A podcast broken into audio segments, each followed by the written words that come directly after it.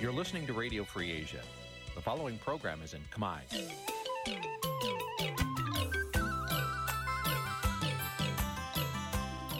នេះជាកម្មវិធីផ្សាយវិទ្យុអាស៊ីសេរីនេះជាកម្មវិធីផ្សាយរបស់ Vithu Azisari ជាភាសាខ្មែរវិទ្យុអាស៊ីសេរីសូមស្វាគមន៍លោកអ្នកនាងទាំងអស់ពីរដ្ឋធានី Washington នៃសហរដ្ឋអាមេរិក បាទពីរដ្ឋធានីវ៉ាស៊ីនតោនខ្ញុំបាទសេកបណ្ឌិតសូមជម្រាបសួរអស់លោកអ្នកនាងកញ្ញាទាំងអស់ជាទីមេត្រីយើងខ្ញុំសូមជូនកម្មវិធីផ្សាយសម្រាប់រាត្រីថ្ងៃប្រហោះ4រោចខែមិញឆ្នាំខាលចត្វាស័កពុទ្ធសករាជ2566ត្រូវនៅថ្ងៃទី9ខែកុម្ភៈគ្រិស្តសករាជ2022បាទជាដំបូងនេះសូមអញ្ជើញអស់លោកអ្នកនាងស្ដាប់ព័ត៌មានប្រចាំថ្ងៃដែលមានមេតិការដូចតទៅ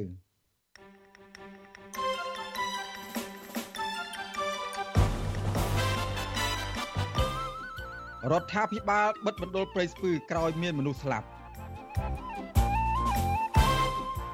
សកម្មជនស្នើសុំដកហូតដីចំណីឆ្នេរអូឈើទាលមកជាសម្បត្តិរដ្ឋវិញ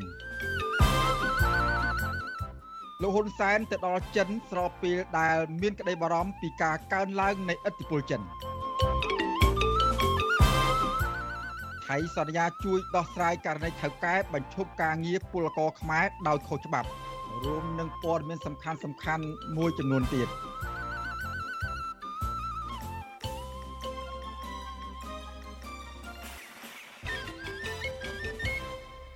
បាទជាបន្តទៅទៀតនេះខ្ញុំបាទសេកបណ្ឌិតសូមជូនព័ត៌មានពិស្ដាបាទលោកនាងកញ្ញាជាទីមេត្រី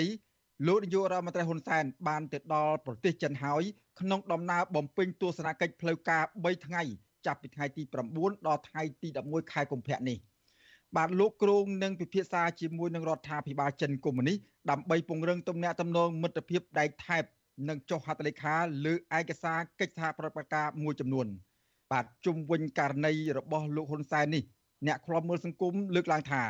ទន្ទឹមនឹងរដ្ឋាភិបាលចង់រក្សាទំនាក់ទំនងល្អនឹងប្រជាជននោះកម្ពុជាក៏ត្រូវប្រកាន់គោលនយោបាយអព្យាក្រឹតនិងរក្សាទំនាក់ទំនងល្អ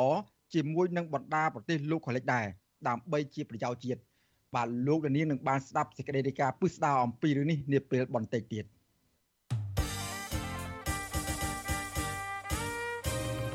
បាទពាក់ព័ន្ធនឹងការធ្វើការងាររបស់ពលករខ្មែរនៅក្នុងប្រទេសថៃឯនោះវិញបាទថៅកែថៃយល់ព្រមផ្ដល់ប្រាក់សំណងជំងឺចិត្តជូនដល់ពលករខ្មែរជាង20នាក់ដែលត្រូវបានថៅកែបញ្ឈប់បញ្ចប់ការងារពួកគេពីការងារ ថៅកែថៃយល់ព្រមផ្ដល់សំណងដល់ពលករខ្មែរយ៉ាងដូចនេះក្រោយពេលដែលមន្ត្រីក្រសួងការងារប្រទេសថៃនិងអ្នកពាក់ព័ន្ធចុះសម្របសម្រួលអំពីករណីនេះបាទពីរដ្ឋធានី Washington អ្នកស្រីម៉ៅធីនីរាយការណ៍អំពីរឿងនេះ ពលករខ្មែរដែលត្រូវបានថកែថៃបញ្ឈប់ពីការងារទទួលបានប្រាក់សំណងទៅតាមអតីតភាពការងាររបស់ពួកគេក្រៅតែពីបានប្រាក់សំណងជំងឺចិត្តថកែថៃក៏យកព្រមសងប្រាក់ចំនួន4500បាត ឬប្រមាណ140ដុល្លារដែលថកែបានកាត់ពីពលករជាប្រាក់រត់ការធ្វើទឹកថាការការងារឬវីសា មន្ត្រីអង្គការសង្ត្រាប្រចាំនៅប្រទេសថៃលោកលឹងសុផុនដែលបានចុះអង្កេតករណីនេះឲ្យវិទ្យុស៊ីស្រីដឹងនៅល្ងាចថ្ងៃទី9ខែកុម្ភៈថាការផ្ដល់ប្រាក់សំណងនេះគឺសម្រាប់ពលករធ្វើការងារក្រោមមួយឆ្នាំអាចទទួលបានប្រាក់ជំងឺចិត្តស្មើនឹងប្រាក់ខែមួយខែ ចំណែកឯអ្នកធ្វើការងារចាប់ពីមួយឆ្នាំឡើងទៅ គឺអាចទទួលបានប្រាក់សំណងជំងឺចិត្តឬស្មើប្រាក់ឈ្នួលរបស់ពួកគេរយៈពេល2ខែ អ្នកការពារសិទ្ធិពលកររូបនេះឲ្យដឹងដែរថា ប្រកាសដែលពលករខ្មែរអាចទទួលបានប្រាក់សំណងពីថៃកែថៃនៅពេលនេះពីព្រោះពលករមានភាពឆ្លាតវៃក្នុងការរួមគ្នាទៀមទា និងស្វាស្វែងរកអន្តរាគមពីស្ថាប័នពាក់ព័ន្ធ ចឹងយើងយកលុយមួយថ្ងៃឬថាមួយថ្ងៃគាត់បាន300ប្រហែលទៅថា330 357ទៅបើយើងគុណដល់30ថ្ងៃទៅបាទយើងឃើញលុយយើងហើយបាទវាជារឿងល្អឲ្យសម្រាប់បងប្អូនណាបើតាមតែខ្ញុំយល់បើសិនជាពលករដែលគាត់មានបញ្ហាអញ្ចឹងហើយគាត់ទំនាក់ទំនងទៅខាងអ្នកដែលដោះស្រាយដូចជាស្ថាប័នពាក់ព័ន្ធហ្នឹងគាត់ចុះមកដោះស្រាយអញ្ចឹងគិតថាវាជារឿងល្អប្រសើរសម្រាប់បងប្អូនអញ្ចឹង មន្ត្រីក្រសួងការងារប្រទេសថៃនៅថ្ងៃទី9ខែកុម្ភៈបានចុះទៅដល់ស្រ័យចំនួននេះដែលអនុញ្ញាតឲ្យតំណាងពលករខ្មែរតំណាងថៅកែរោងចក្រថៃ មន្ត្រីសង្គមស៊ីវិលការពារសិទ្ធិពលករនិងមន្ត្រីស្ថានទូតកម្ពុជាប្រចាំប្រទេសថៃចូលរួមដោះស្រាយជំវិញបញ្ហានេះវិទ្យុអស៊ីស្រីមិនអាចសុំការបញ្ជាក់បន្ថែម ពីមន្ត្រីស្ថានទូតកម្ពុជាធ្វើការផ្នែកពលករបានទេនៅថ្ងៃទី9ខែកុម្ភៈ តំណាងពលករខ្មែរដែលថាកែបានបញ្ឈប់ពីការងារគឺលោកស្រីព្រំសំណាងអវជៈស៊ីស្រីដឹង ថាមន្ត្រីក្រសួងការងារថៃបានឲ្យក្រុមពលកររៀបរាប់ពីដំណើររឿងដែលថាកែបានបញ្ឈប់ពួកគេពីការងារហើយនឹងការទៀមទាសំណងរបស់ក្រុមពលករ លោកស្រីឲ្យដឹងទៀតថាចំហរបស់ក្រមពលករគឺទៀមទាផ្ដល់សំណងជំងឺចិត្តដែលថៅកែបានបញ្ឈប់ពួកគេពីការងារនឹងប្រាក់ចំនួន4500បាតឬប្រមាណ140ដុល្លារដែលថៅកែបានកាត់ពីពួកគេ ដើម្បីរត់ការធ្វើទឹកថាការការងារតំណាងពលកររូបនេះឲ្យដឹងទៀតថាមុនដំបូងភៀកគីថៃរងចាក់ប្រកាន់ចំហមិនផ្ដល់សំណងជំងឺចិត្ត ឲ្យក្រុមពលករទេដោយលើកឡើងថាក្រុមពលករបានយល់ព្រមចុះហត្ថលេខាលើលិខិតលាឈប់ពីការងារវាថាវាដកខ្ញុំចេញបងចង់បានថ្លៃដែលវាដកខ្ញុំចេញវាថាវាអត់ដឹងខ្លួនថាវាដកយើងបានបងកាលពីថ្ងៃទី3ខែកុម្ភៈតកែថៃបានបញ្ឈប់ក្រុមពលករខ្មែរជាង20នាក់ដែលបានធ្វើការងារនៅរោងចក្រមួយឈ្មោះ TP BI Public ដែលមានទីតាំងនៅខេត្តរយងនៅក្នុងប្រទេសថៃ ក្រមបរដ្ឋឲ្យដឹងថាថកែថៃបានប្រើល្បិចឲ្យពួកគេចុះហត្ថលេខាលើពាក្យសុំឈប់ពីការងារដោយមិនដឹងថាលិខិតនោះគឺជាពាក្យសុំឈប់ពីការងារនោះឡើយ។ ក្រោយពីមានបញ្ហានេះក្រមពលករខ្មែរបានស្វាស្វែងរកអន្តរាគមពីមន្ត្រីក្រសួងការងារថៃមន្ត្រីស្ថានទូតកម្ពុជាប្រចាំប្រទេសថៃមន្ត្រីសង្គមស៊ីវិលការពារសិទ្ធិពលករទើបពួកគេទទួលបានដំណោះស្រាយនេះចាននាងខ្ញុំម៉ៃសុធានីវិទ្យុអាស៊ីស្រីពីរដ្ឋធានី Washington បាទលោកនាងកញ្ញាជាទីមេត្រីតកតងនឹងសំណុំរឿងនៅឯមណ្ឌលព្រៃស្ពឺឯនោះវិញ បាទក្រសួងសង្គមគិច្ចចាប់ផ្ដើមបញ្ជូនមនុស្សចេញពីមណ្ឌលសង្គមគិច្ចព្រៃស្ពឺនៅក្នុងរាជធានីភ្នំពេញហើយនៅថ្ងៃទី9ខែកុម្ភៈនេះដើម្បីត្រៀមបិទមណ្ឌលនេះបន្ទាប់ពីអង្គការសង្គមស៊ីវិលរកឃើញថាមានមនុស្សស្លាប់នៅក្នុងមណ្ឌលនេះជាបន្តបន្ទាប់បាទទោះជាយ៉ាងណាអតីតអ្នកជាប់ឃុំនៅមណ្ឌលនេះនិងសង្គមស៊ីវិលថារដ្ឋាភិបាលគួរបិទមណ្ឌលសង្គមគិច្ចព្រៃស្ពឺនេះឲ្យបានឆាប់ដើម្បីកុំឲ្យមានអ្នកជាប់ឃុំនៅទីនោះស្លាប់បន្តទៀតបាទពីរដ្ឋធានី Washington អ្នកស្រីសុជីវីរាយការណ៍អំពីរឿងនេះក្រសួងចាប់ផ្ដើមបញ្ជូនមនុស្សចេញពីមណ្ឌលសង្គមគិច្ចព្រៃស្ពឺតាំងពីថ្ងៃទី8កុម្ភៈរហូតមកហើយក្រសួងបានកំណត់អត្តសញ្ញាណមនុស្សជាផ្នែកផ្នែកដើម្បីងាយស្រួលនៅក្នុងការគ្រប់គ្រងអ្នកនាំពាក្យក្រសួងសង្គមគិច្ចអតីតយុទ្ធជននិងយុវនីតិសម្បទាលោកតូចច័ន្ទនេះប្រាប់សារព័ត៌មាន VOD ថាបុគ្គលដែលធ្លាប់ប្រើប្រាស់គ្រឿងញៀននឹងត្រូវបញ្ជូនទៅបន្សាបគ្រឿងញៀនចំណែកជនអនាថា ត្រូវបញ្ជូនពួកគេទៅផ្ទះសម្បែងតាមខេត្តរៀងៗខ្លួនរីឯមនុស្សវិកលចរិតនឹងត្រូវបញ្ជូនទៅមណ្ឌលកែប្រែវិបលាសស្មារតីលោកបញ្ជាក់ថាប្រសិនបើបញ្ជូនមនុស្សចេញពីមណ្ឌលមួយនេះអស់ក្រសួងអាចនឹងបិទមណ្ឌលសំចតព្រៃស្ពឺនេះតែម្ដងការបញ្ជូនមនុស្សចេញពីមណ្ឌលសង្គមគិច្ចព្រៃស្ពឺនេះធ្វើឡើងបន្ទាប់ពីតំណាងការិយាល័យឧត្តមស្នងការអង្គការសហប្រជាជាតិទទួលបន្ទុកសិទ្ធិមនុស្សប្រចាំនៅកម្ពុជា អ្នកស្រីរੂអេដា LH បានជួបពិភាក្សាជាមួយរដ្ឋមន្ត្រីក្រសួងសង្គមគិច្ចលោកវងសោតអំពីស្ថានភាពមណ្ឌលសំចត់ព្រៃស្ពឺនៅទីស្តីការក្រសួងនៅរាជធានីភ្នំពេញកាលពីថ្ងៃទី7ខែកុម្ភៈវិទ្យុអាស៊ីសេរីមិនអាចតាក់ទងแนะនាំពាក្យក្រសួងសង្គមគិច្ចដើម្បីសូមអត្ថាធិប្បាយបន្ថែមជុំវិញបញ្ហានេះបានទេនៅថ្ងៃទី9ខែកុម្ភៈដោយទូរស័ព្ទហៅចូលជាច្រើនដងប៉ុន្តែពុំមានអ្នកទទួលទោះជាយ៉ាងណាអតីតអ្នកជាប់ឃុំនៅមណ្ឌលសង្គមគិច្ចព្រៃស្ពឺ លោកស្រីជុំងាន់ប្រៀបធៀបមណ្ឌលមួយនេះថាជាឋាននរកសម្រាប់មនុស្សដោយពុំមែនជាកន្លែងអប់រំកែប្រែមនុស្សឡើយជាងនេះទៅទៀតលោកស្រីថាអាញាធរបានដាក់មនុស្សវិកលចរិតជនពិការនិងជនអនាថានៅលេឡំជាមួយគ្នាដោយគ្មានការអប់រំមើលថែនិងគ្មានអាហារហូបចុកគ្រប់គ្រាន់នោះទេដូច្នេះរដ្ឋាភិបាលគួរតែបិទមណ្ឌលនេះឲ្យបានឆាប់ ហើយថាចាប់ពួកខ្ញុំទៅកែប្រែកែប្រែអីខ្ញុំមិនទៅយកទៅកែប្រែទេយកយកទៅឃុំឃាំងទៅហ្មងឃុំឃាំងកុំឲ្យគេអ្នកចិត្តខាងគេបើកឡានអីតាមផ្លូវដូចតែប្រទេសចិត្តខាងគេបើកឡានតាមផ្លូវឃើញខូចសម្ដាប់ធ្នាប់គេអញ្ចឹងយ៉ាងតាមមើលដូចថាគេត្រូវមកពោចតុងអញ្ចឹងឃើញអ្នកសុំទៀនព្រាតអីអញ្ចឹងគេចាប់មកដាក់ទៅអញ្ចឹងណានិយាយទៅគេចាប់កុំឲ្យអត់ទៅភ្នែកគេហ្មងបើមនុស្សឈួតត្មងណាចាប់យកទៅដាក់កន្លែងហ្នឹងវាវាវាត្រូវហើយពួកគ្នា ឈួតគ្នាវាមិនដឹងអីតែពួកមនុស្សដែលគេមានកាយសម្បទារឹងមាំគេដឹងខុសដឹងត្រូវដែរទៅចាប់គ្នាដាក់កន្លែងហ្នឹងវាដូចជាយកគ្នាទៅចុះនរកទាំងរស់ហ្មងជុំវិញរឿងនេះនាយកទទួលបន្ទុកកិច្ចការទូតនៃអង្គការលីកាដូលោកអំសំអាត នៅតែព្រួយបារម្ភខ្លាយរដ្ឋាភិបាលគ្រាន់តែបញ្ជូនមនុស្សមួយចំនួនចេញពីមណ្ឌលនេះដោយមិនបានបិទមណ្ឌលសង្គមគិច្ចព្រៃស្ពឺលោកបញ្ជាក់ថាមណ្ឌលមួយនេះរំលោភសិទ្ធិមនុស្សធ្ងន់ធ្ងរជាច្រើនឆ្នាំមកហើយដូច្នេះលោកថាជំរឿដែលល្អ ប្រសិនបើក្រសួងមិនអាចកែប្រែអ្នកជាប់ឃុំបានទេក្រសួងគួរតែបិទមណ្ឌលនេះចោលតែម្ដងដើម្បីកុំឲ្យមានការរិះគន់ដល់រដ្ឋាភិបាលនិងធ្វើឲ្យខូចមុខមាត់កម្ពុជា ថាជាប្រទេសរំលោភសិទ្ធិមនុស្សធ្ងន់ធ្ងរចឹងជាចំហរបស់អង្គការលីកាដូយើងគិតថាការកែលម្អហ្នឹងវាច្រើនហើយប៉ុន្តែมันអាចទៅរួចអញ្ចឹងយើងនៅតែរក្សាថា គួរតែសម្បត្តិមណ្ឌលនឹងទៅពីព្រោះការអូសពេលបន្លាយវាវាអាចនឹងមានរឿងរំលោភសិទ្ធិមនុស្សកើតឡើងទៀតហើយអញ្ចឹងអ្វីដែលអង្គការលីកាដូនៅតែរក្សាចំហដោយការដែលយើងចេញសេចក្តីថ្លែងការណ៍កាលពីចុងឆ្នាំ2022គឺសូមឲ្យបិទមណ្ឌលដោយសារវាអត់មានអ្វីកែប្រែហើយវាបង្កើននៃការរំលោភសិទ្ធិមនុស្សនោះបាទ មណ្ឌលសង្គមគិច្ចព្រៃស្ពឺគឺជាកន្លែងដែលអាជ្ញាធរបានចាប់មនុស្សចាស់កុមារនៅតាមចិញ្ចើមផ្លូវ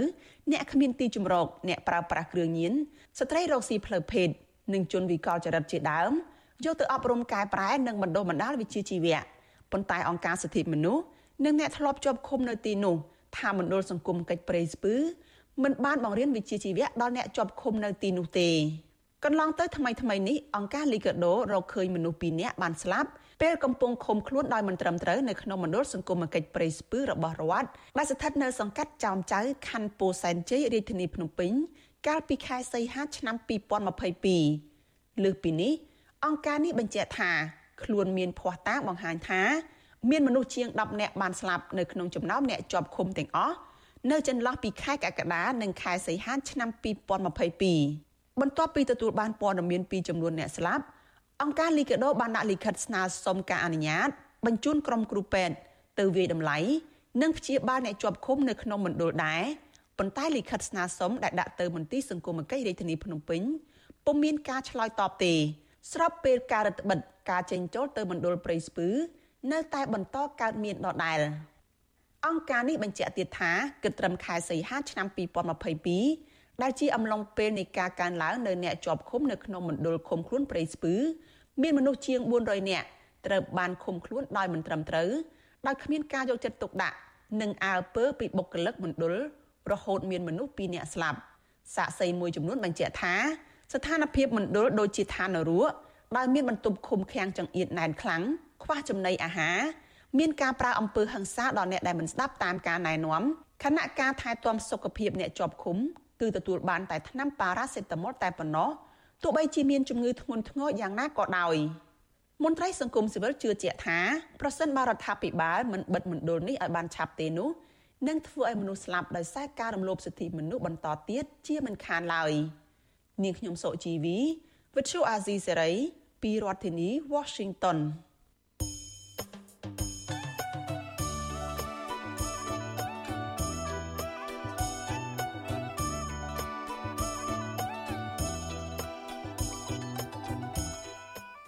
បាទលោកនាងកញ្ញាជាទីមេត្រីលោកនាងកំពុងតាមដានស្ដាប់ការផ្សាយរបស់វិទ្យុអស៊ីសេរីពីរដ្ឋធានីវ៉ាស៊ីនតោនសហរដ្ឋអាមេរិក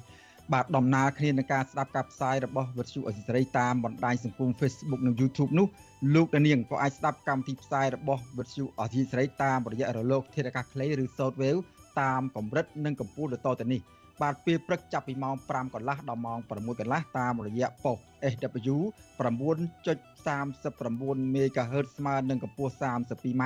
និងប៉ុស SW 11.85 MHz ស្មើនឹងកម្ពស់ 25m បាទនៅពេលព្រឹកចាប់ពីម៉ោង7កន្លះដល់បាទនៅសំទោសនៅពេលយប់ចាប់ពីម៉ោង7កន្លះដល់ម៉ោង8កន្លះតាមរយៈប៉ុស SW 9.39 MHz ស្មើនឹងកម្ពស់ 32m ប៉ុស SW 11.88 MHz ស្មើនឹងកម្ពស់ 25m និងប៉ុស SW 15.15 MHz ស្មើនឹងកម្ពស់ 20m បាទសូមអរគុណ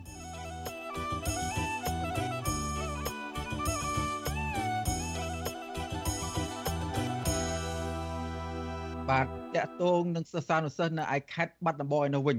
បាទសិស្សានុសិស្សគ្រូបង្រៀននិងប្រជាពលរដ្ឋរស់នៅស្រុកឯកភ្នំខេត្តបាត់ដំបងនៅតែបន្តប្រើប្រាស់ ទូកចម្លងឆ្លងពីស្ទឹងសង្កែទៅសាលារៀន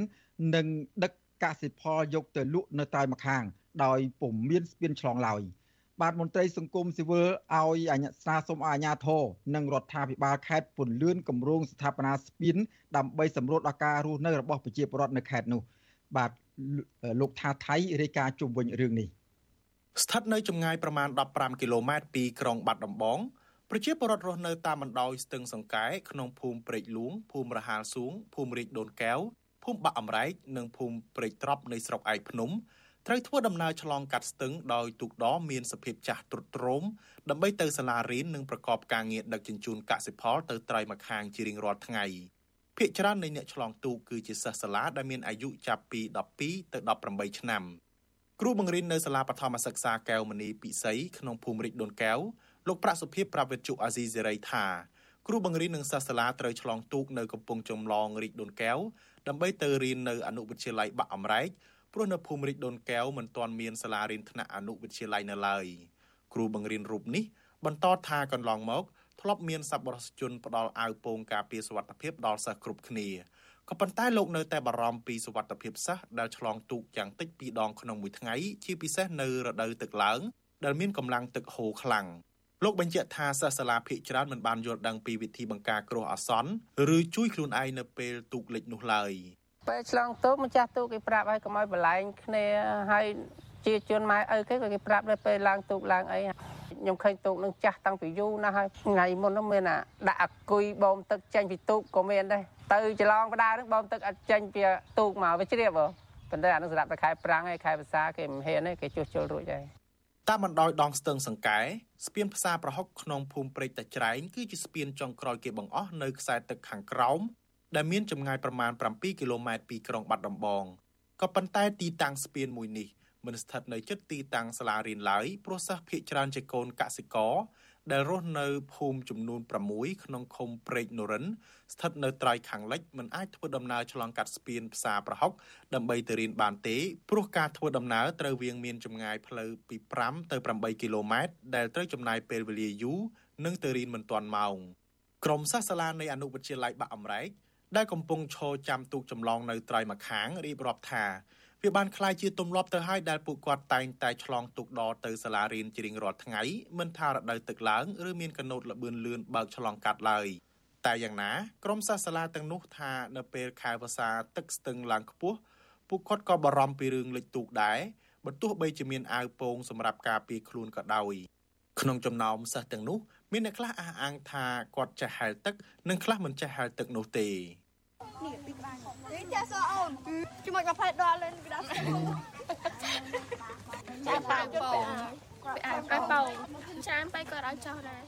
ទូកចម្លងដែលសិស្សសាលានិងប្រជាពលរដ្ឋប្រើប្រាស់ជាមធ្យោបាយសម្រាប់ឆ្លងទៅត្រៃម្ខាងនេះជាប្រភេទទូកដក្បាលទាលសងខាងរៀបស្មើបញ្ជាដោយម៉ាស៊ីនសាំងនិងចែវច្រវាសម្រាប់ទប់ចង្កូតមានទទឹងជិត2ម៉ែត្របណ្ដោយជាង4ម៉ែត្រធ្វើពីឈើមានសភាពចាស់ទ្រុឌទ្រោម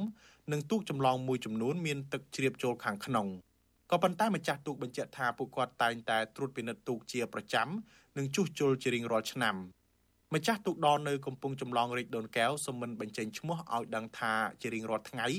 មានសិស្សសាលាជាង200នាក់ឆ្លងទៅរៀននៅអនុវិទ្យាល័យបាក់អមរែកត្រៃខាងកើតហើយការចម្លងម្ដងម្ដងលោកដាក់មនុស្សពី15ទៅ30នាក់ លោកបន្តថាក្នុងមួយថ្ងៃលោកទទួលបានប្រាក់ចំណូលប្រមាណពី3ទៅ40000រៀលក្នុងមួយថ្ងៃដោយសិស្សម្នាក់លោកយកឈ្នួល200រៀលសម្រាប់ឆ្លងទៅវិញទៅមកនិង500រៀលចំពោះប្រជាពលរដ្ឋទូទៅនិងម៉ូតូមួយគ្រឿងលោកបញ្ជាក់ថាចំពោះរដូវទឹកឡើងលោកមិនទទួលចម្លងម៉ូតូឡើយគឺចម្លងតែសិស្សសាលាប៉ុណ្ណោះដើម្បីបង្ការគ្រោះថ្នាក់ពីការលិចទូកចូលក្បែរហ្នឹងបងបើសិនជាក្រាមក៏ក្រាមតិចដែរព្រោះឲ្យវាមានពីរធឺមានអាធំជាងនេះក៏មានថ្ងៃតិចមិនម្ដងហើយសំហើយគ្រូ មានតែគ្រូបាត់អង់គ្លេសឆ្លងសិស្សសាលាដែលឆ្លងទូកទៅរៀននៅត្រៃម្ខាងភ ieck ច្រើនរៀននៅអនុវិទ្យាល័យបាក់អមរែកនិងវិទ្យាល័យស្រុកឯកភ្នំក្នុងឃុំព្រែកលួងនៅត្រៃខាងកើតស្ទឹងរាប់ចាប់ពីប៉ែកខាងក្រមស្ពានផ្សារប្រហុកមានកំពង់ចម្លងចំនួន4ដែលប្រជាពលរដ្ឋនិងសិស្សសាលាឆ្លងជាប្រចាំរួមមានកំពង់ចម្លងភូមិព្រែកនរិនឆ្លងទៅភូមិព្រែកលួងកំពង់ចម្លងភូមិរហាលសួងឆ្លងទៅភូមិស្ដីលើ កំពង់ចម្លងភូមិរិចដូនកែវឆ្លងទៅភូមិបាក់អមរែកនិងកំពង់ចម្លងភូមិព្រែកត្រប់ឆ្លងទៅភូមិបាក់រតេះនៅពេលឆ្លងទូកស្របពេលមានកណូតឬទូកធំធំបើកបរម្ដងម្ដងតែមានរលកធំធំវាយបោកបក់ធ្វើឲ្យទូកឃ្លីងឃ្លោងជាពិសេសនៅរដូវទឹកឡើងដែលមានទឹកហូរនិងគួចខ្លាំងទាក់ទិននឹងរឿងនេះជំទប់ទី2ខុំព្រែកនរិនមកពីគណៈបកភ្លឹងទៀនលោកសុកសុភ័ក្រប្រាប់វិទ្យុអាស៊ីសេរីថាកន្លងមកប្រជាពលរដ្ឋនិងអាណាព្យាបាលសិស្ស បានស្នើសុំឲ្យរដ្ឋាភិបាលសាងសង់ស្ពានមួយកន្លែងនៅត្រង់ភូមិសាស្ត្រភូមិរាជដូនកែវ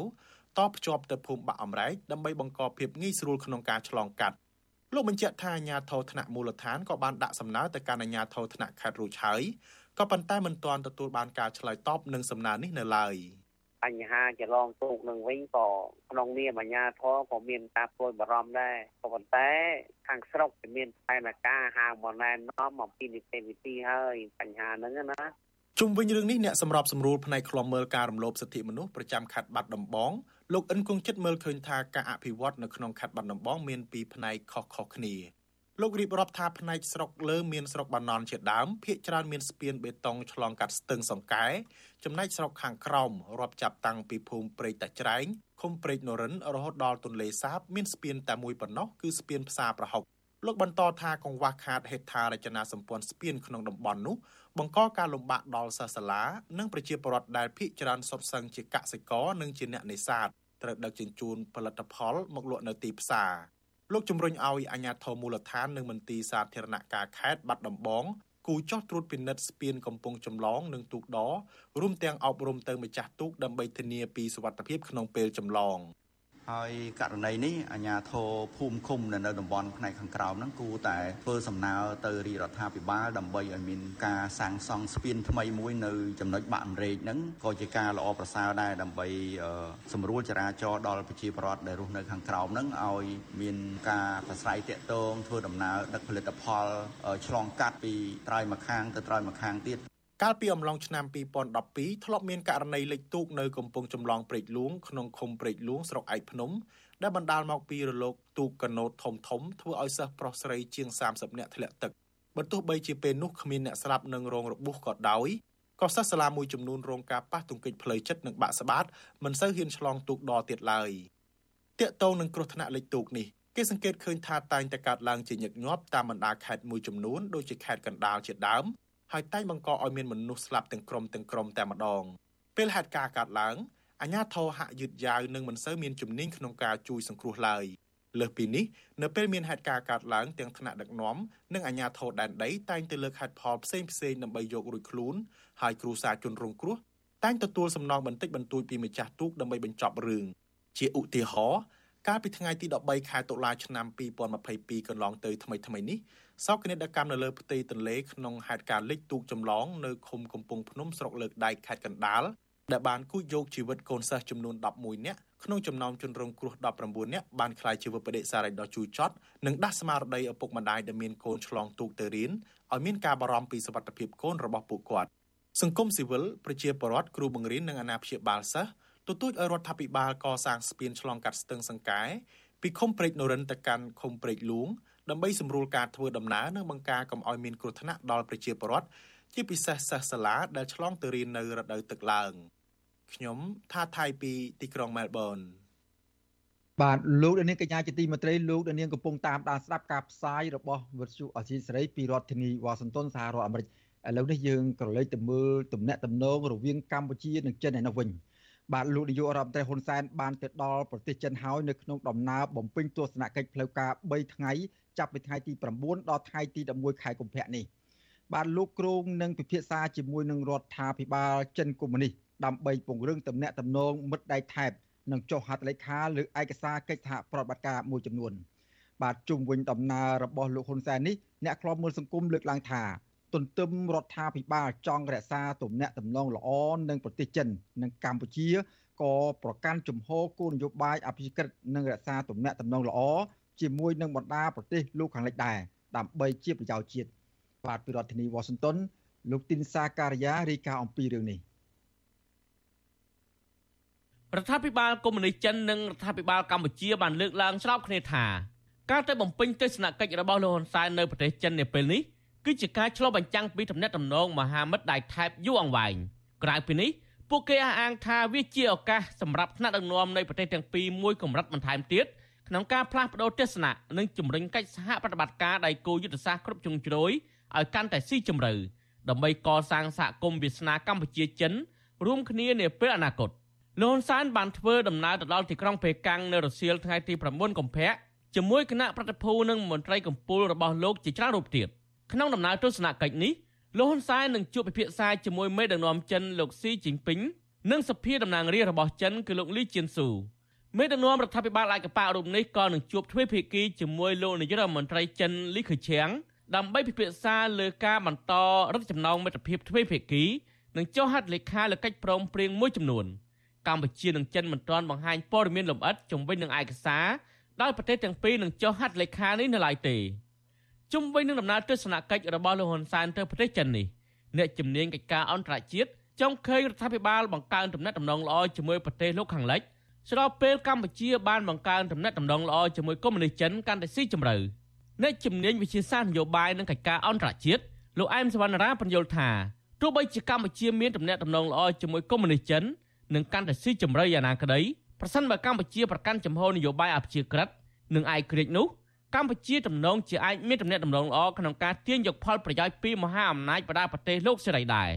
ប៉ុន្តែលោកថាបើសិនជាកម្ពុជានៅតែបន្តបង្ហាញចំហពឹងពាក់ចិន និងអនុវត្តនយោបាយការបរទេសបែបលំអៀងឬអព្យាក្រឹតដល់កម្រិតណានោះគឺអាស្រ័យលើអ្នកនយោបាយផល ប្រយោជន៍ដែលអនុវត្តពេញលេញនេះនៅមិនទាន់ពេញលេញទេដូចជាការសិក្សាខ្មែរមួយចំនួនมันអាចនាំទៅទីផ្សារចិនផ្ទាល់ណាដូចយើងត្រូវការប្រើប្រាស់ទីផ្សារប្រទេសផ្សេងយិតខាងដូចថាថ្ងៃបៃលិនជាដើមយើងជួបឧបសគ្គខ្លំមកដែរខ្ញុំការត្រេកអរក៏ប៉ុន្តែមិនមិនមានការបារម្ភពាក់ព័ន្ធទៅនឹងភាពលោកអឿនរបស់កម្ពុជានឹងចិនទេឲ្យតែកម្ពុជាអាចរក្សាបាននៅជំហរនយោបាយកម្ពុជាលក្ខណៈអភិក្រិត អ្នកប្រឹក្សាយោបល់ផ្នែកអភិវឌ្ឍផ្នែកកំណត់និងការស្រាវជ្រាវបណ្ឌិតសេកសុជាតិក៏ចង់ឃើញកម្ពុជាងាកចេញពីការពឹងផ្អែកលើចិន និងបញ្ជៀសពីឥទ្ធិពលចិនដែរ។ កិច្ចការជាតិមិនមែនជាកិច្ចការរបស់អ្នកនយោបាយឬកិច្ចការរបស់ប្រជាពលរដ្ឋទេគឺជាកិច្ចការរួមរបស់អ្នកនយោបាយនិងប្រជាពលរដ្ឋរួមគ្នាដូច្នេះហើយអ្នកនយោបាយគួរតែប្រើប្រាស់នៅសក្តានុពលនិងឧត្តមភាពរបស់ខ្លួនដើម្បីសម្រេចគោលដៅធានាបាននៅភាពយុត្តិធម៌ត្រឹមត្រូវហើយនឹងមានតម្លាភាពនៅក្នុងសង្គមមិនមែនធ្វើនៅក្នុងផ្នែកណាមួយដែលសង្គមនិងប្រជាពលរដ្ឋមើលឃើញថាមានភាពលំអៀងទេបាទលន់សែននិងមេដឹកនាំចិនបានបង្កើនទំនាក់ទំនងខ្លាំងចាប់ពីឆ្នាំ2006មកប្រទេសទាំងពីរបានដំឡើងកម្រិតទំនាក់ទំនងទ្វេភាគីទៅជាភាពដៃគូកិច្ចសហប្រតិបត្តិការគ្រប់ជ្រុងជ្រោយហើយនៅឆ្នាំ2010បានដំឡើងទៅជាភាពដៃគូយុទ្ធសាស្ត្រគ្រប់ជ្រុងជ្រោយក្រៅពីវិស័យពាណិជ្ជកម្មសេដ្ឋកិច្ចនយោបាយកសិកម្មសន្តិសុខការពារជាតិនិងការទូតភាគីទាំងពីរក៏បានជំរុញកិច្ចសហប្រតិបត្តិការលើវិស័យវិទ្យាសាស្ត្រអប់រំវប្បធម៌ទេសចរសុខាភិបាល និងឈានរហូតដល់កិច្ចសហប្រតិបត្តិការថ្នាក់មូលដ្ឋានទៀតផងចិននិងកម្ពុជាបានព្រមព្រៀងគ្នាតម្រូវឲ្យក្រសួងអប់រំកម្ពុជាដាក់បញ្ចូលកម្មវិធីរៀនភាសាចិននៅតាមគ្រឹះស្ថានមធ្យមសិក្សារដ្ឋចាប់ពីថ្នាក់ទី7រហូតដល់ថ្នាក់ទី12ថែមទៀតវិទ្យុអាស៊ីសេរីមិនអាចតាក់ទងអ្នកនាំពាក្យក្រសួងការបរទេសនិងប្រធានអង្គភិបអ្នកនាំពាក្យរដ្ឋាភិបាលលោកផៃសិផានដើម្បីសួរអំពីដំណើរទស្សនកិច្ចរបស់លោកហ៊ុនសែនទៅកាន់ប្រទេសចិននេះបានទេនៅថ្ងៃទី9កុម្ភៈ ក៏ប៉ុន្តែអ្នកនាំពាក្យគណៈបកប្រជាជនកម្ពុជាលោកសុកអ៊ីសានបានអះអាងថាដំណើរទស្សនកិច្ចរបស់លោកហ៊ុនសែនដែលអាចមានការស្នើសុំជំនួយតាមរយៈកម្ចីឥណទានពីប្រទេសចិននោះគឺជាការរួមចំណែកក្នុងការអភិវឌ្ឍកម្ពុជាឲ្យកាន់តែរីកចម្រើនលោកបន្ថែមថាលោកហ៊ុនសែនទៅបំពេញទស្សនកិច្ចនៅប្រទេសចិនគឺតបតាមការអញ្ជើញរបស់រដ្ឋាភិបាលចិនហើយមូលហេតុដែលកម្ពុជាពុំសូវទៅធ្វើដំណើរទស្សនកិច្ចនៅបណ្ដាប្រទេសលោកសេរីដោយសារតែមេដឹកនាំប្រទេសលោកខាងលិច ពុំសូវបានអញ្ជើញលោកហ៊ុនសែនមិនមែនដោយភាគីកម្ពុជាទេបើសិនណាជាប្រទេសលោកខាងលិចដែលជាមិត្តដែរនោះអញ្ជើញអានេះគឺប្រមុខរាជរដ្ឋាភិបាលកម្ពុជានឹងទៅដូចខ្ញុំថាអញ្ចឹងបើសិនណាជាមានអញ្ជើញហើយបើសិនណាជាអត់អញ្ជើញតែឲ្យទៅមិនកើតទោះបីជាយ៉ាងណាអ្នកវិភាគនយោបាយលោកកំសុកពិនិត្យឃើញថាដំណើរទស្សនកិច្ចរបស់មេដឹកនាំរដ្ឋាភិបាលឯកបៈទៅប្រទេសចិននៅពេលនេះ ឯកយុទ្ធសាស្ត្ររបស់លោកហ៊ុនសែនក្នុងការស្ទាបស្ទង់រដ្ឋាភិបាលចិនក្នុងដំណើរការជួយគាំទ្រផែនការផ្ទេរអំណាចតត្រកូលនិងផ្ដាល់ប្រាក់កម្ចីដល់កម្រិតណារងចំណុចនេះលោកកុំសុកលើកឡើងថាប្រសិនបើចិននៅតែបន្តចំហការពីអំណាចត្រកូលហ៊ុនគ្រប់កលៈទេសៈនោះសញ្ញានៃការស្ដារលទ្ធិប្រជាធិបតេយ្យពុំវិជ្ជមានឡើយ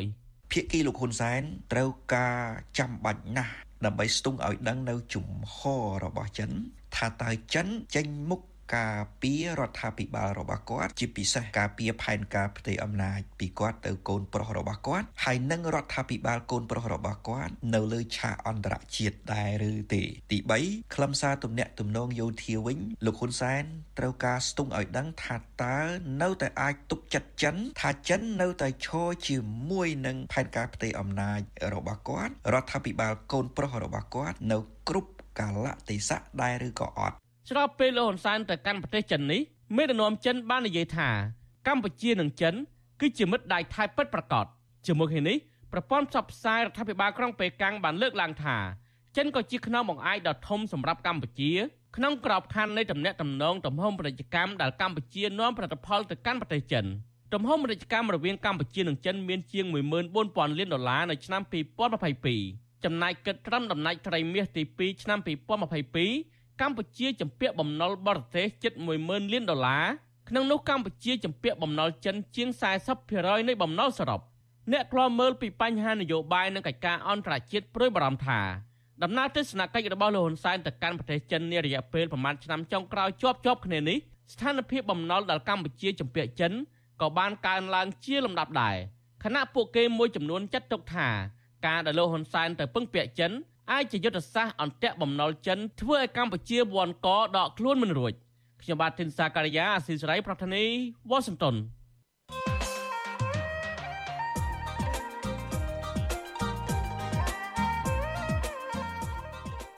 បាទលោកនាងកញ្ញាជាទីមេត្រីហិតកម្មលើសាច់ថ្លៃរបស់លោកហ៊ុនសែនដែលកើតឡើងកាលពីជាង30ឆ្នាំមុនបានសាររើឡើងវិញបន្ទាប់ពីប្អូនបង្ការរបស់លោកស្រីប៊ុនរ៉ានីស្លាប់ បាទលោកសំរងស៊ីចោទថាលោកហ៊ុនសែនជាអ្នករៀបចំសម្រាប់ប្អូនថ្លៃរបស់ខ្លួនគឺលោកកៅសមុទ្រដែលត្រូវជាប្តីដើមរបស់លោកស្រីប៊ុនសាមហឹងបាទតើលោកសំរងស៊ីមានផុសតាងអ្វីខ្លះតាក់ទងនឹងការចោទប្រកាន់នេះតើតើហិតកម្មលើលោកកៅសមុទ្រនេះមានជាប់ពាក់ព័ន្ធអ្វីខ្លះជាមួយលោកសំរងស៊ីបាទលោកសំរងស៊ីនឹងឡើងមកឆ្លើយសំណួរទាំងនេះដោយផ្ទាល់នៅក្នុងនីតិវិទ្យាអ្នកស្ដាប់របស់វិទ្យុអសីស្រីនៅរាត្រីថ្ងៃស្អែកនេះ បើសិនជាលោកដានៀងមានបំណងចង់ចូលរួមជាមួយនឹងនីតិវិទ្យាអ្នកស្ដាប់របស់វិទ្យុអសេរីនៅថ្ងៃស្អែកនេះសូមលោកដានៀងដាក់លេខទូរស័ព្ទនៅក្នុងខ្ទង់ comment ផ្ទាល់តាម Facebook និង YouTube របស់វិទ្យុអសេរីដែលផ្សាយផ្ទាល់នៅពេលនោះក្រុមការងាររបស់វិទ្យុអសេរីនឹងហៅត្រឡប់លោកអ្នកវិញសូមលោកនាងរងចាំស្ដាប់នីតិវិទ្យាអ្នកស្ដាប់នៅថ្ងៃស្អែកនេះកុំបីខានបាទសូមអរគុណបាទ លោកនាងកញ្ញាជាទីមេត្រីពាក់ព័ន្ធនឹងបញ្ហាបរិស្ថានព្រៃឈើនៅតំបន់អរ៉ែងនៅខេត្តកោះកុងឯនោះវិញបាទដើមឈើធំធំដុះអែបដងស្ទឹងអរ៉ែងដែលភ្ញៀវទេសចរតែងតែជិះទូកទស្សនាកំសាន្តនិងគយគន់ទេសភាពនៅក្នុងតំបន់ជួរភ្នំក្រវ៉ាញកណ្ដាលនាខេត្តកោះកុងកំពុងទទួលរងការកាប់ផ្ដួលធ្វើអាជីវកម្មយ៉ាងច្រើនសន្ធឹកសន្ធាប់បាទព្រះសង្ឃនិងក្រមយុវជន បានចុះទៅដល់ទីតាំងនោះស្រក់ទឹកភ្នែកស្ដាយស្រណោះ ដើមកគីនិងដើមឈើទាលដែលពួកគាត់បានបំពោះកាលពីឆ្នាំមុនត្រូវគេកាប់រំលំធ្វើអាជីវកម្មបាទលោកយ៉ងច័ន្ទរា មានសេចក្តីរាយការណ៍លម្អិតអំពីរឿងនេះពីរដ្ឋធានី Washington ក្រមយុវជនខ្មែរថាវរៈនិងក្រមករណាព្រៃអរ៉ែងរកឃើញភ័ស្តុតាងជាថ្មីទៀតបង្ហាញថាដើមឈើធំធំដែលភ្ញៀវទេសចរតែងតែទៅជ្រកម្លប់និងថតរូបភាពបង្ហោះតាមបណ្ដាញសង្គមនោះត្រូវបានគេកាប់ផ្ដួលនិងដឹកយកទៅលក់ឲ្យឈ្មួញមកពីខាងក្រៅ។ ពួកគាត់សោកស្ដាយដែលដើមឈើធំធំចំនួន4ដើមខ្លះអោបគ្នា5នាក់មិនជុំនិងដើមខ្លះទៀតមានមុខកាត់ជាង2ម៉ែត្រដែលជាអត្តសញ្ញាណភូមិកំណើតរបស់ជនជាតិដើមភាគតិចជងនិងលែងមានវត្តមាននៅតំបន់នោះទៀតហើយសមាជិកក្រុមករណីព្រៃអរ៉ែងព្រះដាច់ព្រះគុណជាវុធីប្រាប់វិទ្យុអាស៊ីសេរីថាដើមឈើដែលព្រះអង្គបានបំពោះដោយរុំស្បង់ចីវរកាលពីឆ្នាំមុននោះត្រូវបានគេកាប់រំលំធ្វើអាជីវកម្មកាលពីពេលថ្មីៗនេះ។ ព្រះអង្គសោកស្ដាយដើមកគីធំធំ ដែលផ្ដល់ប្រយោជន៍ច្រើនដល់បរិស្ថានជីវៈចម្រុះនិងវិស័យទេសចរត្រូវគេកាប់ឲ្យដួលរៀបដល់ដីដោយគ្មានការទប់ស្កាត់ជាប្រជាអ្នកកាន់ពុទ្ធសាសនានៅពេលដែលឃើញទងព្រះអរហន្តដែលជាប់ជាមួយដើមឈើហ្នឹងដែលអាត្មាបំបួលដល់តដល់អាត្មាមិននឹកស្មានថាគាត់ហ៊ានបំផ្លាញណាអញ្ចឹងដល់ពេលដែលអ្វីដែលអាត្មាគិតពីមុនមកនៅមើលបច្ចុប្បន្នដែលអាត្មាមកមើលផ្ទាល់គឺអាត្មា មើលឲ្យខ្វះសក់ទៅស្មែខ្វះពិតជាមានអារម្មណ៍សោកស្ដាយខ្លាំងមែនទែនដែលបាត់ដើមឈើដ៏ធំហើយដើមឈើកគីនេះគឺជាដើមឈើមួយដែលបំណិតជាដើមឈើមួយដែលមានតម្លៃប៉ុន្តែត្រូវបានដួលរលំបាត់ដល់ដីបាត់កាលពីសប្តាហ៍មុនក្រមយុវជនខ្មែរថាវរៈនិងក្រមករណាព្រៃអរ៉ែងជាង30អង្គនឹងអ្នកបានចុះសិក្សាស្រាវជ្រាវតំបន់អរ៉ែងនៅចំណុចឃុំជំនាប់និងឃុំប្រឡាយស្រុកថ្មបាំង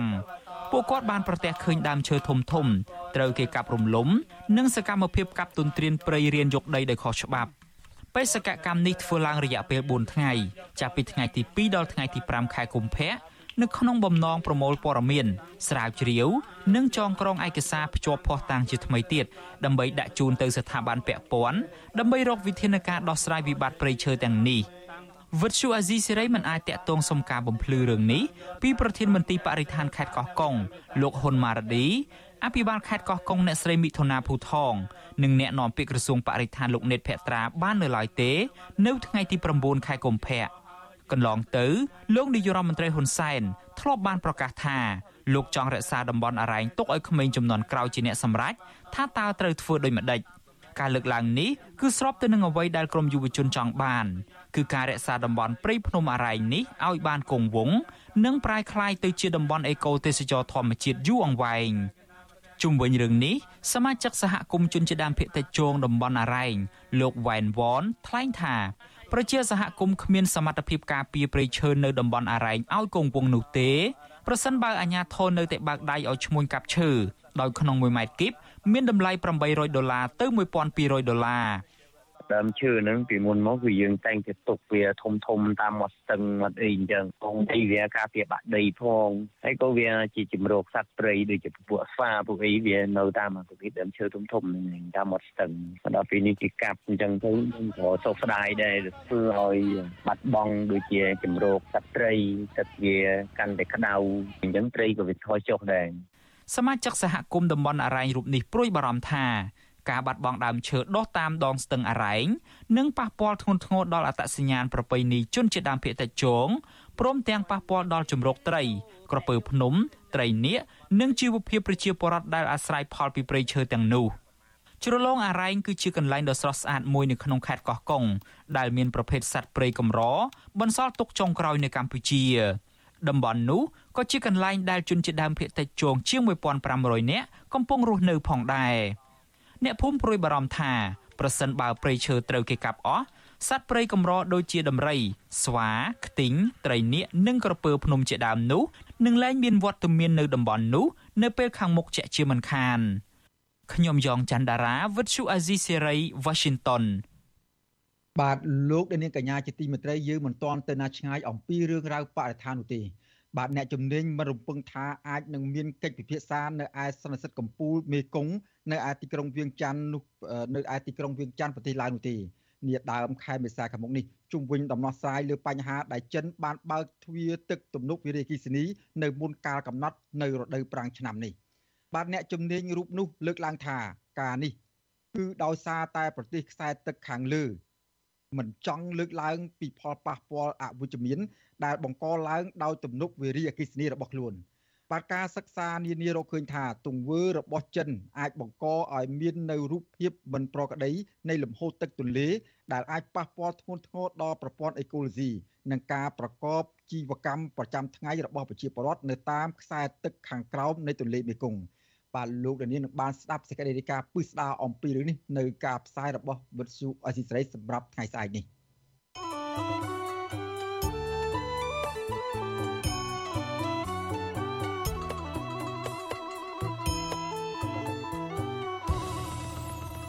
បាទចំណាយឯការសាងសង់របងពាត់លើឆ្នេរអូជទៀលនៅឯខេត្តបរសេនុនឹងវិញបាទយុវជនចលនាមេដាធម្មជាតិស្នើសុំឲ្យរដ្ឋាភិបាលដកហូតដីចំណីឆ្នេរអូជទៀលដែលត្រូវបានបកគលឯកជនហ៊ុំពាត់ធ្វើរបងយកនោះដាក់ជាទ្រព្យសម្បត្តិរបស់សាធារណៈរបស់រដ្ឋវិញបាទការស្នើសុំនេះធ្វើឡើងបន្ទាប់ពីក្រុមហ៊ុនឯកជនដែលបានធ្វើរបងហ៊ុំពាត់ដីឆ្នេរអូជទៀលនោះ បានវាយរបងចេញកាលពីយប់ថ្ងៃទី8ខែកុម្ភៈមន្ត្រីអង្គការសង្គមស៊ីវិលគាំទ្រចំពោះការស្នើសុំនេះនិងស្នើសុំឲ្យរដ្ឋាភិបាលបង្ហាញពីតម្លាភាពនៅក្នុងការផ្ទេរកម្មសិទ្ធិដីមួយកន្លែងនេះជាសាធារណៈបាទពីរដ្ឋធានី Washington លោកមីរិតរាយការណ៍អំពីរឿងនេះរបងថ្មដែលសង់នៅជាប់ឆ្នេរអូឈើទៀល ត្រូវបានអាជ្ញាធរខេត្តព្រះសីហនុសម្របសម្រួលជាមួយម្ចាស់ក្រុមហ៊ុនឯកជនវាយកំទេចចោលហើយតាមបទបញ្ជាពីចម្ងាយរបស់លោកនាយរដ្ឋមន្ត្រីហ៊ុនសែនក្រោយពីមានការរិះគន់ប្រងព្រាតពីសាធារណជន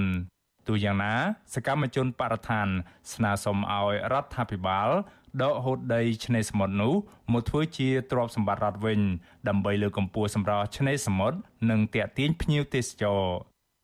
សកម្មជនចលនាមេដាធម្មជាតិ លោកថនរដ្ឋាប្រវិសុយស៊ីស្រីថាលោកសាទរចំពោះការវារបង ដែលបានធ្វើនៅលើដីឆ្នេរអូឈើទាលក៏ប៉ុន្តែលោកនៅតែបារម្ភចំពោះការគ្រប់គ្រងដីឆ្នេរសមុទ្រនិងដីចំណីឆ្នេរសមុទ្រដោយក្រុមហ៊ុនឯកជន ដែលមិនបានបម្រើជាផលប្រយោជន៍រួម ដល់សាធារណជន និងវិស័យទេសចរនោះឡើយលោកបានថែមថារដ្ឋាភិបាលគួរដកដីឆ្នេរសមុទ្រអូឈើទាលដែលក្រុមហ៊ុនឯកជនកាន់កាប់ មកធ្វើជាទ្រព្យសម្បត្តិរបស់រដ្ឋវិញទាំងអស់ដើម្បីលើកកម្ពស់សម្រស់ឆ្នេរសមុទ្រកម្ពុជាឡើងវិញឲ្យស័ក្តិសមទៅនឹងឈ្មោះដែលអន្តរជាតិផ្ដល់ចំណាត់ថ្នាក់ថាជាឆ្នេរសមុទ្រល្អសម្រាប់អ្វីដែលយើងចង់បានគឺចង់ឲ្យឆ្នេរដែលទៅបានរំលោភដោយឯកជនហ្នឹងខ្លាចទៅជាទ្រព្យសម្បត្តិសាធារណៈរបស់រដ្ឋឡើងវិញអញ្ចឹងបើសិនជាមិនទាន់មានលិខិតងាមួយច្បាស់លាស់យើងនឹងមានសកម្មភាពនៅពេលខាងមុខដើម្បីទាមទារឲ្យខានតែបានឲ្យឆ្នេរនេះខ្លាចជាទ្រព្យសម្បត្តិសាធារណៈការស្នើសុំនេះ ធ្វើឡើងបន្ទាប់ពីម្ចាស់កម្មសិទ្ធិដែលមានដីនៅលើដីឆ្នេរអូឈើទាលបានវាយគំទេរបងបេតុងចេញវិញ កាលពីយប់ថ្ងៃទី8ខែកុម្ភៈការវារបងបេតុងដែលជាសំណង់រឹងមាំចេញវិញនេះត្រូវបានគេមើលឃើញថាធ្វើឡើងដោយសារតែមានការរិះគន់ច្រើន ពីមហាជននៅលើបណ្ដាញសង្គម Facebook និងការសម្របសម្រួលពីរដ្ឋាភិបាលតែប៉ុណ្ណោះ ឆ្លើយតបនឹងការស្នើសុំនេះអភិបាលរងខេត្តប្រសេនុលោកលងឌីម៉ងប្រាវិសុយស៊ីស្រីថាអាញាធរខេត្តបានទទួលគោលការណ៍ពីលោកនាយរដ្ឋមន្ត្រីហ៊ុនសែនឲ្យសម្របសម្រួលជាមួយម្ចាស់កម្មសិទ្ធិដី នៅតំបន់ឆ្នេរអូឈើទាលដើម្បីវាយគំទេចរបង ក៏ប៉ុន្តែលោកថារដ្ឋបាលខេត្តមិនបានទទួលការណែនាំឲ្យដកហូតបានកម្មសិទ្ធិដីនោះទៅជាកម្មសិទ្ធិរបស់រដ្ឋវិញនោះទេម្សិលមិញពេលល្ងាចហ្នឹងគឺថាសម្ដេចតេជោនាយរដ្ឋមន្ត្រីលោកបានណែនាំឲ្យរដ្ឋបាលខេត្តធ្វើការជាមួយនឹងខាងចាស់កម្មសិទ្ធិករដើម្បីឲ្យមានការកែសម្រួលនិងរុះរើរបងបែកខាងសមុទ្ររុះរើចេញអញ្ចឹងក៏ម្ចាស់ក៏បានឯកភាព ទោះបីជាមានការឆ្លើយតបបែបនេះក្តីសាធារណជន បានលើកឡើងថាអភិបាលរងខេត្តរូងនេះគ្រាន់តែឆ្លើយដោះសារដើម្បីការពារបុគ្គលដែលជាម្ចាស់កម្មសិទ្ធិដីតំបន់ឆ្នេរនេះតែប៉ុណ្ណោះព្រោះកន្លងមកលោកមិនបានបង្ហាញឈ្មោះម្ចាស់កម្មសិទ្ធិនៅលើដីឆ្នេរសមុទ្រនេះឡើយ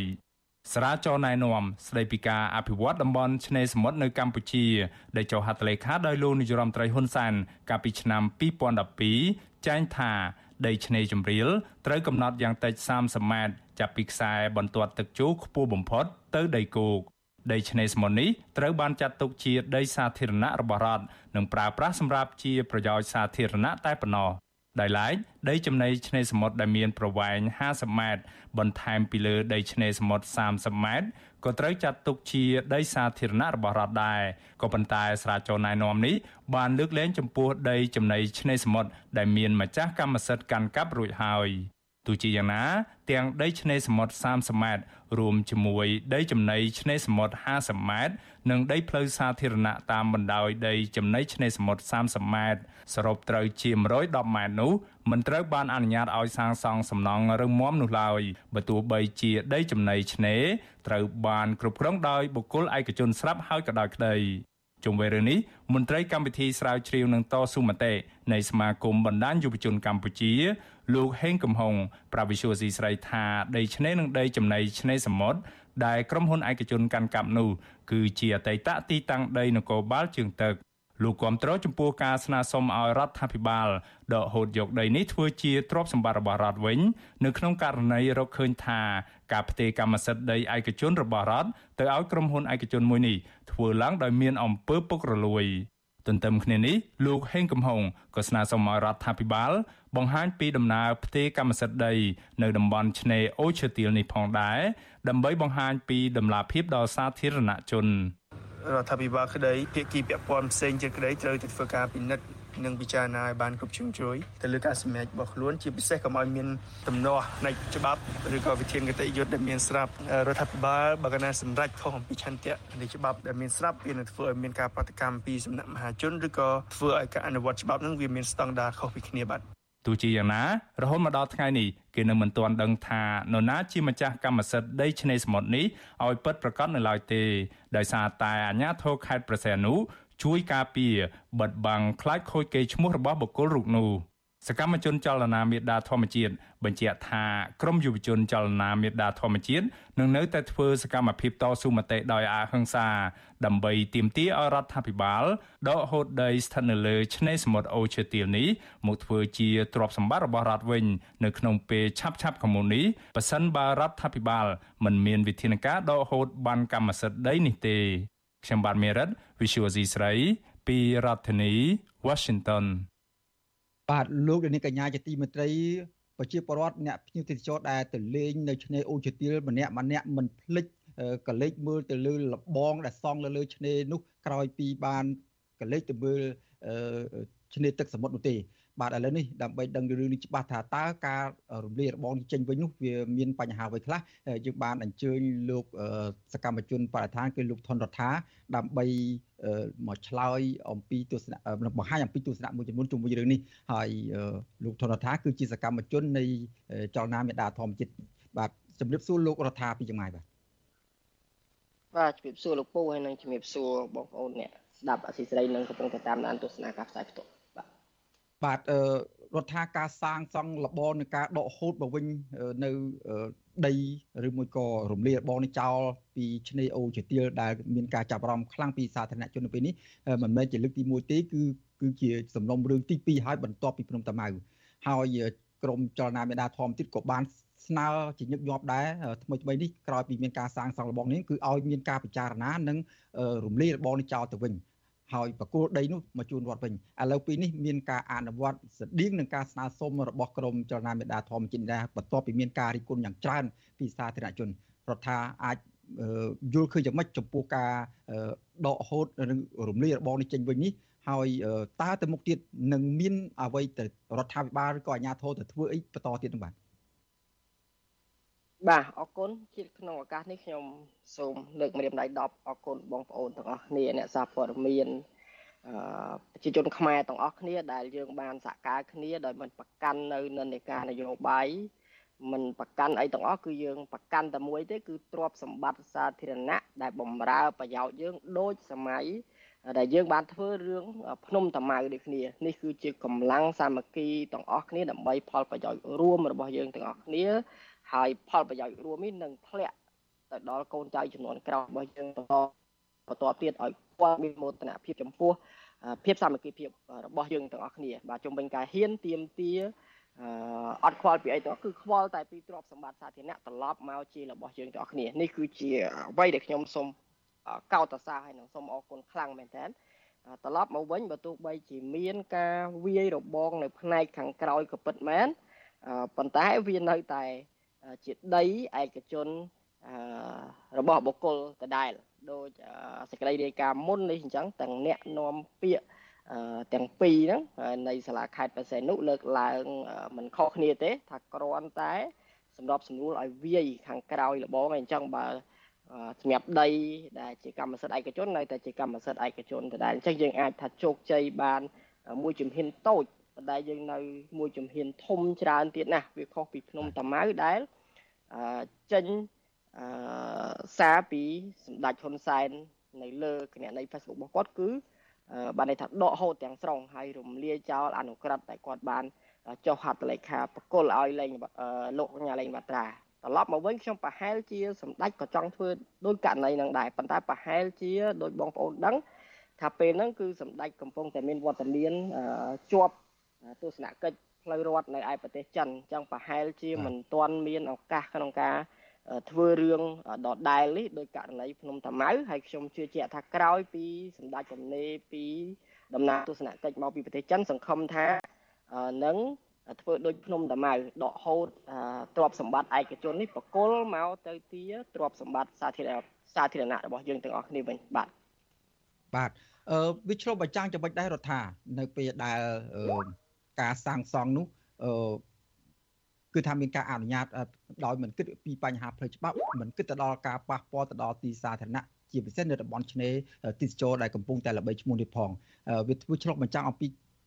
ការទទួលខុសត្រូវរបស់អាជ្ញាធររដ្ឋនិងរដ្ឋាភិបាលយ៉ាងម៉េចដែរបាទតែពិតនៅ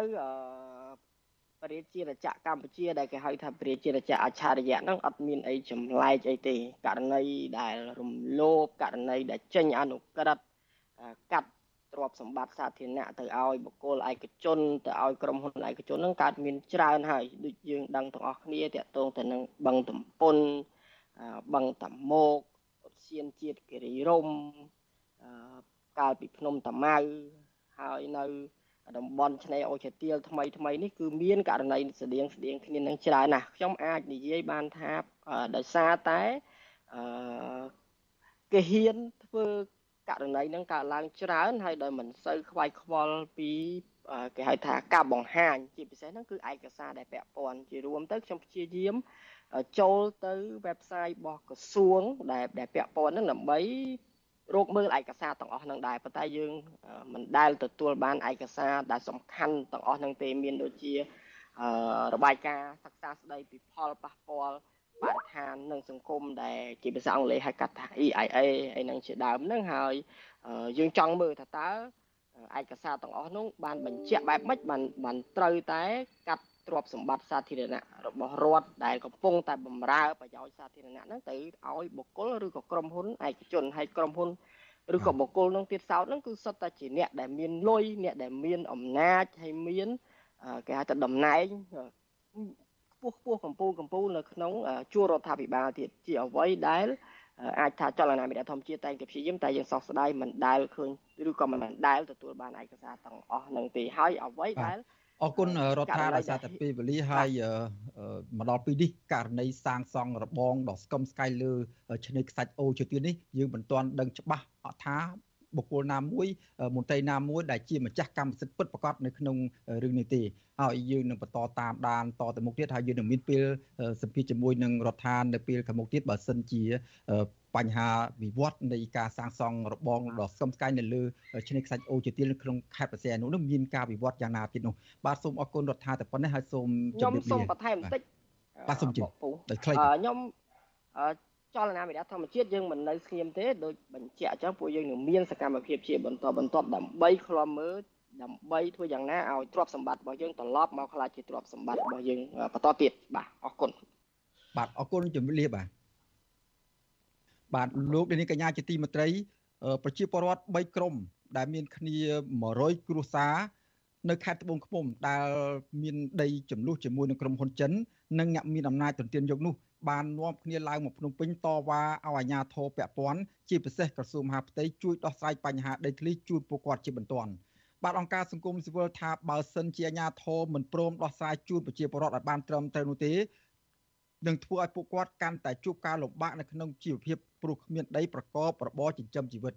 បាទលោកនៅវណ្ណរិនមានសេចក្តីរាយការណ៍អំពីរឿងនេះពីរដ្ឋធានីវ៉ាស៊ីនតោន ពលរដ្ឋមានវិវាទដីធ្លីទាំង100គ្រួសារនេះមានមួយក្រុមមកពីស្រុកមេមត់ដោយអះអាងថាពួកគាត់ត្រូវបានអាជ្ញាធរខ្មែរនិងវៀតណាមហាមឃាត់មិនឲ្យធ្វើស្រែនៅលើដីតំបន់ព្រំដែនដែលចាត់ទុកថាជាតំបន់សខណៈពលរដ្ឋវៀតណាមបែរជាមានសិទ្ធិធ្វើស្រែនៅតំបន់ព្រំដែនដោយសេរីទៅវិញចំណែកពលរដ្ឋមួយក្រុមទៀតមកពីស្រុកដំបែអះអាងថាពួកគាត់ត្រូវបានក្រុមហ៊ុនចិន និងអ្នកមានលុយមានអំណាច ច្បាមយកដីរបស់ពួកគាត់ ពលរដ្ឋទាំងនោះបាននាំគ្នាមកដាក់ញត្តិស្នើឲ្យក្រសួងមហាផ្ទៃដោះស្រាយវិវាទដីធ្លីជូនពួកគាត់ដែលបានបាត់បង់ដីស្រែជាយូរមកហើយហើយប៉ះពាល់ដល់ជីវភាពរស់នៅរបស់ពួកខ្លួនពលរដ្ឋម្នាក់ដែលមកតវ៉ានៅមុខក្រសួងមហាផ្ទៃ គឺលោកស្រីហួយុនរស់នៅជាប់ព្រំដែនកម្ពុជាវៀតណាមឃុំច័ន្ទមូលស្រុកមេមត់លើកឡើងថាលោកស្រីនិងពលរដ្ឋជាង20គ្រួសារទាមទារឲ្យក្រសួងមហាផ្ទៃដោះស្រាយបញ្ហាវិវាទដីធ្លីជូនពួកគាត់ក្រោយខកខានធ្វើស្រែនៅលើដីរបស់ខ្លួនតាំងពីឆ្នាំ1998ដោយសារតែជនជាតិវៀតណាមរំលោភយកដី និងដេញបាញ់ពួកគាត់ដោយកំភ្លើងមិនឲ្យអាស្រ័យផលនៅលើដីនោះ លោកស្រីបន្តថាពលរដ្ឋខ្មែរបានកាន់កាប់ដីនោះតាំងពីឆ្នាំ1980មក ដែលដីទាំងនោះស្ថិតនៅលើទឹកដីខ្មែរក៏ប៉ុន្តែបែរជាអាញាធរខុបខិតជាមួយនឹងជនជាតិវៀតណាមឲ្យគេរំលោភយកតាមតែអំពើចិត្ត បោះចែកដាច់ពីគ្នាឲ្យហេតុអីបានដែលតាហ៊ានហើយនឹងមេឃុំមេភូមិដែលដល់ឲ្យប្រជាពលរដ្ឋធ្វើនេះខ្ញុំឆ្ងល់ទៅហ្នឹងចែកដាច់ឲ្យបកចែកខ្មែរយួនដាច់ឲ្យហេតុអីប្រជាពលរដ្ឋយួនបានធ្វើហើយខ្មែរមិនបានធ្វើនេះខ្ញុំជាកូនខ្មែរដែរមិនបានមិនឲ្យធ្វើហើយបើគេយួនចែកក្បាត់គ្នាឲ្យមិនបានយួនឲ្យធ្វើប្រជាពលរដ្ឋយួនអង្គការយួនមិនឲ្យធ្វើហើយអង្គការខ្មែរមិនបានមិនឲ្យធ្វើចំណែកពលរដ្ឋម្នាក់ទៀតដែលឡើងមកតវ៉ានៅមុខក្រសួងមហាផ្ទៃក្នុងពេលតែមួយនោះគឺលោកខឿនងឿន លើកឡើងថាប្រជាពលរដ្ឋដែលមកពីឃុំជួមក្រវៀនស្រុកមេមត់ចង់ស្នើឲ្យក្រសួងពាក់ព័ន្ធជួយធ្វើប្លង់រឹងឲ្យប្រជាជនឲ្យបានត្រឹមត្រូវខណៈពេលដែលដីរបស់ពលរដ្ឋរាប់រយគ្រួសារទៀតត្រូវបានក្រុមអ្នកមានលុយមានអំណាចព្យាយាមច្បាមយកលោកអះអាងថាដីទាំងនោះគឺជារបស់ពលរដ្ឋដែលបានកាន់កាប់តាំងពីឆ្នាំ2012 រយៈពេលក្រោយមកមានមានមានអំណាចទៅគេចេះទៅថាដីនេះដីគេដីនោះដីគេអញ្ចឹងហើយពួកខ្ញុំមិនមានអារម្មណ៍កាត់កាត់ទុកមិនសុខចិត្តហ្នឹងហើយថាដីដំណាំយើងធ្វើយូរហើយឲ្យតែធ្វើស្អាតមានគេមកថានេះដីគេនោះដីគេអញ្ចឹងបាទមុនមានប្រហែលអ្នកមកសារហើយដល់ពេលក្រោយឡាមានយាយណាមកថាបោះគាត់ទៀតទៅអញ្ចឹងពួកខ្ញុំនៅមានការភ័យពុតភ័យព្រួយហ្នឹងហើយអាមានបាទតែគេមិនចេញប្លង់ឲ្យដីនឹងមានពាក់ព័ន្ធជាមួយយាយអាចជាហុំឯណានេះខ្ញុំក៏មិនទៅស្គាល់គាត់ដែរហើយយើងពួកខ្ញុំមិនសុខចិត្តហ្នឹងបានឡើងមកដាក់អាញាហ្នឹងមិនដាក់ម្ដងទេដាក់ប្រហែលដងហើយមកដាក់ ស្រដៀងគ្នានេះដែរពលរដ្ឋម្នាក់ទៀតដែលរងគ្រោះដោយសារក្រុមហ៊ុនចិន Harman Niven Investment បានរំលោភយកដីពួកគាត់អស់រយៈពេលជាង10ឆ្នាំមកហើយពេលនេះប្រជាពលរដ្ឋជាង200គ្រួសារកំពុងតែរស់នៅទាំងត្រដរដោយគ្មានដីស្រែសម្រាប់អាស្រ័យផល លោកស្រីសុនសុកលីនៅភូមិស្រែប្រាំងស្រុកដំបែលើកឡើងថាផ្ទៃដីរបស់ពលរដ្ឋរាប់សិបហិកតាត្រូវបានអាជ្ញាធរស្រុកដំបែខົບខិតគ្នាជាមួយក្រុមហ៊ុនចិនអស់រយៈពេលជាយូរមកហើយដោយពុំមានដំណោះស្រាយណាមួយសមរម្យនោះទេដូច្នេះលោកស្រីទទូចឲ្យអាជ្ញាធរដែលពាក់ព័ន្ធជួយដោះស្រាយបញ្ហាទាំងនេះជូនពួកគាត់ជាបន្ទាន់ដើម្បីឲ្យពលរដ្ឋអាចទទួលបានដីយកមកប្រកបរបរចិញ្ចឹមជីវិតឡើងវិញ។ ចិនវានៅធ្វើធ្វើផ្ទះធ្វើស្អីនៅដាំដូងដាំដំណាំឲ្យពេញមកដីនោះពួកខ្ញុំអត់មានដីអាស្រ័យផលទេព្រោះអីដីនោះដីពីកេអកពីដូនពីតាមកពីតាំងពី79ពួកជាបរដ្ឋអាស្រ័យផលរហូតមកចិនចាប់ចូលយកធ្វើរហូតមកដល់សប្តាហ៍នេះប្រជាបរដ្ឋពួកខ្ញុំអត់មានដីអាស្រ័យផលទេចាប់ប្រជាបរដ្ឋវាយចាប់ដាក់គុកធ្វើបាបប្រជាបរដ្ឋអត់ឲ្យតវ៉ាយកបានយកធ្វើបាបប្រជាបរដ្ឋរត់ខ្ចាត់ខ្ចាយអស់ វិទ្យុអាស៊ីសេរីមិនអាចសុំការឆ្លើយតបពីអ្នកនាំពាក្យក្រសួងមហាផ្ទៃលោកខៀវសុភ័ក្របានទេដោយហៅទូរស័ព្ទចូល តែពុំមានអ្នកទទួល ទោះយ៉ាងណាក្តីក្រោយពីពលរដ្ឋជាង100នាក់បានមកតវ៉ានៅក្រសួងមហាផ្ទៃនៅថ្ងៃនេះក្រសួងក៏បានចេញលិខិតសន្យាថានឹងកាត់ជ្រៀលដីជូនពលរដ្ឋមួយចំនួនក្នុងពេលឆាប់ៗក៏ប៉ុន្តែរងចាំចម្លើយឆ្លើយតបពីអាជ្ញាធរខេត្តត្បូងឃ្មុំជាមុនសិនដើម្បីត្រួតពិនិត្យឡើងវិញថាតើគួរដោះស្រាយបែបណាជូនពលរដ្ឋ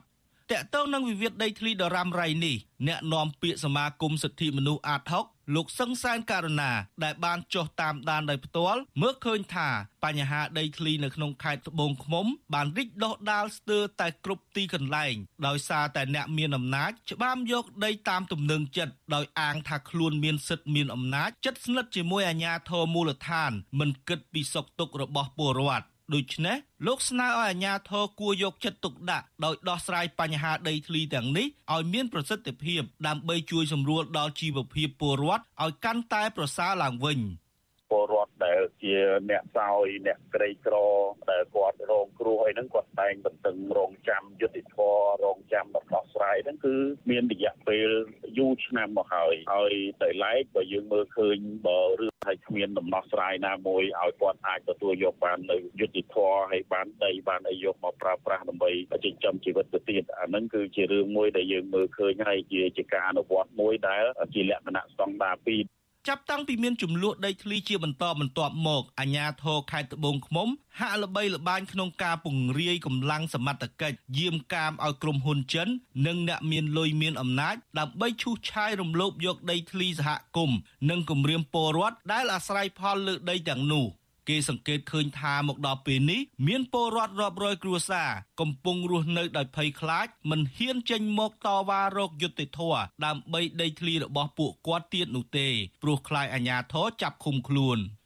រីឯតំណាងពលរដ្ឋមួយចំនួនធ្លាប់ជាប់ពន្ធនាគារនិងរងបណ្ដឹងក្នុងតុលាការដោយសារតែទាមទារតវ៉ារឿងដីធ្លីទាំងនេះ បញ្ហាដីធ្លីនេះតំបន់ខ្លះត្រូវបានអូសបន្លាយជាង10ឆ្នាំទៅ20ឆ្នាំដោយគ្មានការអើពើពីសំណាក់អាជ្ញាធរមូលដ្ឋាននោះទេករណីទាំងនោះទោះបីជាពលរដ្ឋបានព្យាយាមចំណាយថវិកាផ្ទាល់ខ្លួនអស់ជាច្រើនដើម្បីស្វែងរកស្ថាប័នពាក់ព័ន្ធឲ្យជួយអន្តរាគមន៍តាំងពីថ្នាក់ស្រុកខេត្តរហូតដល់រាជធានីភ្នំពេញជាហូហែក៏ដោយក៏ប៉ុន្តែបញ្ហាទាំងនោះក៏នៅតែមិនទាន់ដោះស្រាយបាននៅឡើយ ទោះជាបែបនេះក្តីប្រជាពលរដ្ឋទាំងនោះក៏នៅតែព្យាយាមចិញ្ចឹមចិត្តដើម្បីទាមទារដីធ្លីរបស់ពួកគាត់មកវិញហើយពលរដ្ឋទាំងនោះបន្តបដិញ្ញាចិត្តថានៅតែប្រមូលផ្ដុំគ្នាទាមទារឲ្យអាជ្ញាធរពាក់ព័ន្ធរកដំណោះស្រាយឲ្យពួកគាត់នាពេលឆាប់ៗខាងមុខខ្ញុំបាទនៅវណ្ណរិន